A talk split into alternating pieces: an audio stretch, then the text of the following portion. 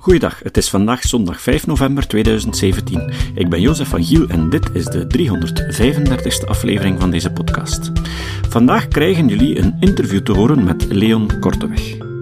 Zoals jullie weten heeft Leon in het verleden heel wat bijdrages geleverd aan deze podcast.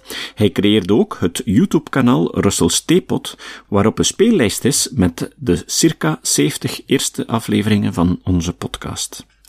Maar Leon bleef ondertussen niet stilzitten. Hij werd zo enthousiast over het scepticisme dat hij zich actief ging bezighouden met allerlei sceptische activiteiten. De belangrijkste daarvan is zijn werk bij de Gorilla Skeptics of Wikipedia. Zijn laatste mijlpaal was de toetreding tot het bestuur van EXO, het European Council of Skeptics Organizations zeg maar de overkoepelende organisatie van alle sceptische organisaties in Europa. Ik was het al lang van plan, maar deze laatste mijlpaal leek me belangrijk om hem eindelijk te interviewen. En voor de eerste keer in de geschiedenis van deze podcast heb ik dit interview gedaan via het internet. Het was de bedoeling om het via Skype te doen, maar het lukte niet, en uiteindelijk zijn we erin geslaagd om toch met elkaar te spreken via Google Hangout. Hier geef ik jullie Leon Korteweg. Goed. dat was niet gemakkelijk. Ja. Dat was, nee. dat was niet gemakkelijk, maar we hebben elkaar toch gevonden. Goed, gaan we eraan beginnen? Kan je je misschien eerst een beetje voorstellen, Leon? Ja, ik uh, ben uh, Leon Korteweg. Ik uh, ben geboren in Zwolle in 1990. En ik heb uh, geschiedenis gestudeerd in Nijmegen. En daarna heb ik nog een cursus onderzoeksjournalistiek gedaan aan de Hogeschool in Utrecht. En ik ben nu een uh, beginnend journalist. En sinds enige tijd ben ik actief in uh, verschillende ja, maatschappelijke sociale bewegingen eigenlijk, zou je kunnen zeggen. De voornaamste daarvan is de sceptische beweging. En daarnaast ben ik ook nog betrokken bij de atheïstische beweging, de vrijdenkersbeweging, de humanistische beweging. Die zijn, alle vier eigenlijk, zijn die nauw aan elkaar verwant. En ik hou me ook nog wel eens bezig met uh, veganisme. Mm dus uh, een manier om dierenleed te zoveel mogelijk te verminderen. En uh, republikeinisme, dus voor een gekozen staatshoofd. Maar daar hou ik me nu weer iets minder mee bezig. Maar toch komt uiteindelijk uh, het meeste toch wel weer op scepticisme. En dat uh, doe ik voornamelijk op Wikipedia. Door uh, artikelen te schrijven over scepticisme en over pseudowetenschap. En ja, dus het, het, testen van uitzonderlijke beweringen en kijken of ze waar zijn of niet. Ja, maar eigenlijk, je inkomen haal je vooral uit journalistiek nu? Of uh, op het moment werk ik in een archief, het regionale archief Nijmegen. Ah, ja, ja. En daarna hoop ik de journalistiek in te gaan. Mm -hmm. Dat zal misschien binnenkort bij Jalta.nl zijn. Dat is een, een, een, nog relatief nieuwe opiniesite en uh, nieuws en commentaar. En het is ook journalistiek. En dat, dat gaat heel erg over, over politiek en cultuur. En vooral Nederland, maar ook uh, iets, iets breder in Europa en de wereld. Ja. Je zit in, in heel veel verenigingen en we gaan daar straks wat dieper op ingaan. En dus zoals je daar straks zei, een belangrijk hoofdthema uh, in al die activiteiten, zoals je zei, is scepticisme. Maar uh, je bent niet geboren als scepticus, hè? Kan nee, je daar nee. iets over zeggen, over je achtergrond uh, van daarvoor? En ja, ja. hoe je dan ik, eigenlijk tot scepticisme gekomen bent? Ja, want daar heb ik inderdaad nog niet genoemd. Want ik ben opgegroeid in een uh, antroposofisch gezin. Mm -hmm. Ik ging naar de vrije school, hè, dus een antroposofische school. Die is ooit opgericht door Rudolf Steiner. Hè, dat is een, ja, uh, een, ja. een Oostenrijkse. Hoe zullen we het dus, zou filosoof of eh, zoiets? Ja, filosoof, theoloog. Ja. Geleerde een beetje een autodidact. Dus hij, hij leerde zichzelf heel veel dingen. Maar na het einde van zijn, zijn leven toe werd hij steeds meer een pseudo-wetenschapper. Uh, misschien was hij dat eigenlijk altijd al wel. Uh, maar hij combineerde heel veel esoterische ideeën in, uh, in het late 19e eeuwse en vroege 20e eeuwse ja, Centraal-Europa eigenlijk. Hè, Vooral het Duitsstalige gebied. En, en daar is, is de antroposofie uit voortgekomen. Het was eigenlijk een afsplitsing van de theosofie. En um, dat is zeg maar uh, een beweging die, die zegt dat eigenlijk elke religie wel een soort van waarheid heeft. En dat ze allemaal eigenlijk hetzelfde willen. En dat je daar het beste van moet kiezen. En ze waren op zoek naar uh, de verlosser van alle religies. En ze menen die te gevonden te hebben in ene Krishnamurti. Een tienjarige jongen in India die van niks wist. Mm. En uh, Rudolf Steiner had zoiets van, nou, volgens mij is hij niet uh, onze verlosser, onze wereldleraar. Dus uh, hij is voor zichzelf begonnen eigenlijk met de antroposofie. En ja, hij heeft er van steun, daarbij steun gekregen van verschillende vrijzinnige katholieke kerken in Duitsland. En die hebben een soort van verbond gesloten. En dus hij leverde antroposofie en de vrije scholen. En die verschillende vrijzinnige kerken, die werden de christengemeenschap. Mm En nou zijn mijn ouders nooit heel erg streng geweest in het geloof. Ze hebben wel een beetje hun eigen weg gezocht. Hè. Ze kwamen zelf ook van andere stromingen. Mijn vader is ongelovig opgevoed, maar wel met christendom groot gemaakt. Omdat zijn ouders dat belangrijk vonden, belangrijk cultureel erfgoed vonden. Mijn moeder die is streng gereformeerd opgevoed, een hele strenge protestantse stroming. Maar die heeft zich van het geloof afgezet. En ze zijn, toen ze elkaar ontmoeten, zijn ze een tijd ongelovig door het leven gegaan. Maar ze hebben zelf uiteindelijk gekozen voor iets met zingeving en toen kwamen ze bij de antroposofie terecht. Nou, ze waren er nooit echt streng in, maar het heeft wel een belangrijke rol gespeeld in mijn vroege leven. Ja.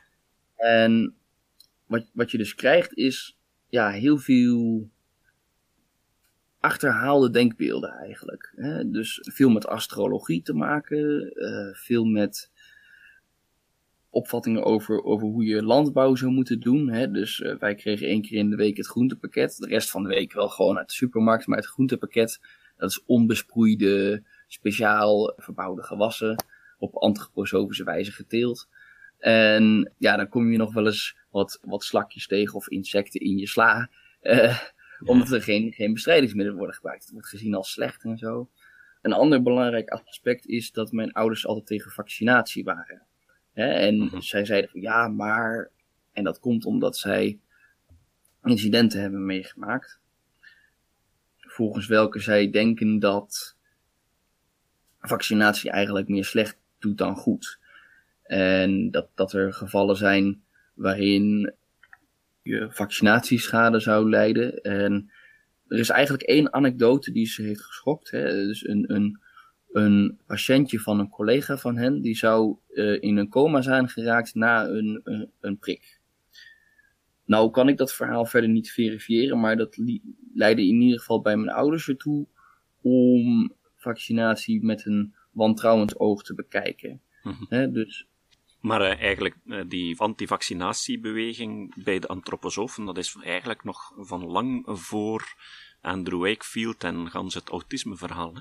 of niet? Ja, dat klopt. Ja, want Andrew Wakefield, uh, zijn, um, zijn publicatie was volgens mij in 1998. Mm -hmm. um, maar mijn ouders die waren hier al met, in, in de jaren 80 mee bezig met met, met hun ja, wantrouwen eigenlijk tegenover vaccinatie. Het ging ook niet zozeer over autisme, maar over allerlei andere zaken. Um, waaruit zou blijken dat, dat het eigenlijk beter is om gewoon de, de, een ziekte uh, op de natuurlijke wijze uh, te krijgen en daar dan je immuniteit voor op te bouwen, dan, dan om dat via vaccinatie te en heb je daar eigenlijk veel invloed van gehad? Was dat sterk verschillend van uh, de traditionele scholen? Was, waren er zaken die heel anders waren? Ja, dat zou ik wel zeggen, want uh, ik heb ook nog twee jaar op een Rooms-Katholieke basisschool gezeten. Dat was omdat ik een tijd gepest was op die vrije school en ik konden ze niet zo goed uh, oplossen. En toen ben ik naar een andere school gegaan. En er waren sowieso meerdere problemen die niet zozeer met de ideologie te maken hadden, maar met gewoon het functioneren van die specifieke school. Mm Dus er waren ook meerdere andere leerlingen die, die vanaf waren gaan. En, uh, ja, dus ik ook. Dus ik, ik heb wel het verschil gezien tussen een, een Rooms-Katholieke basisschool en een vrije school. En er zijn een paar dingen die opvallen. De klassen zijn veel groter bij gewone... Um, ja. Bij de Rooms-Katholieke school. Ja, en, en dus op de vrije school zijn ze over het algemeen kleiner. En dus je hebt wel meer aandacht hè, van, van de, de leraar. Die heeft veel meer tijd om aandacht te besteden aan, aan individuele leerlingen. Maar wat, ik, wat me dus ook opviel, was dat er, voor zover ik weet althans, geen toetsen werden gedaan. Geen, geen, uh geen proeven, geen, geen schriftelijke overhoringen. En je kreeg dus ook geen cijfers. Je kreeg alleen aan het eind van het jaar kreeg je een getuigenschrift. Waarin stond, maar dat was iets voor de ouders, hoe goed uh, je iets had gedaan. Maar je werd dus niet beoordeeld. Dus, dus het was voor mij best wel raar om voor het eerst een proefwerk te krijgen op de basisschool. En daar in keer een cijfer voor te krijgen. En ik kan me voorstellen dat dat voor, voor heel veel leerlingen uh, fijn is. Als ze dus niet die prestatiedruk krijgen. En als ze een onvoldoende halen, dat ze daar dan niet ja, vervelend over voelen. Maar toch denk ik dat het uiteindelijk wel stimuleert. Een beetje, weet je ook van, hé, hey, ik ben, ben dingen aan het leren en uh, ik moet het best doen. Maar tegelijkertijd, eh, als je kijkt nu dan naar de nieuwste bevindingen in pedagogie en motivatie, is men toch ook weer voorzichtiger met die uh, toetsen en examens. Hè? Is dat zo? Ja, ja, ja. Dus je, leest eh, weer meer en meer pedagogen die zeggen van eigenlijk daarmee creëer je een, een, extrinsieke motivatie en gaan de kinderen niet meer naar school gaan omdat ze echt gemotiveerd zijn om iets bij te leren, maar eerder om te slagen voor het huiswerk of voor het examen. Hè. Maar ik denk dat het een stuk in het midden ligt. Die, die discussie ligt nog open hoor, maar het gaat weer in die richting. Oké, oké. Nou, in ieder geval, dat was wel een, een belangrijk verschil wat ik merkte. En ja, ik had zelf het idee, toen ik op uh, de basisschool kwam, dat ik veel uh, meer leerde dan op de vrije school. Maar dat is misschien omdat er getoetst werd op wat we te leren kregen. Ja, ja. Dus misschien is dat niet zo. Misschien is dat een subjectief uh, idee. Maar ja, iets, een kwestie die niet zozeer op mijn school speelde, maar wel op eh, de school van mijn uh, broer en zus, die later ook naar de voortgezet uh, vrije school gingen, was dat een deel van de antroposofie wel racistisch genoemd kan worden. Ja, ja, ja.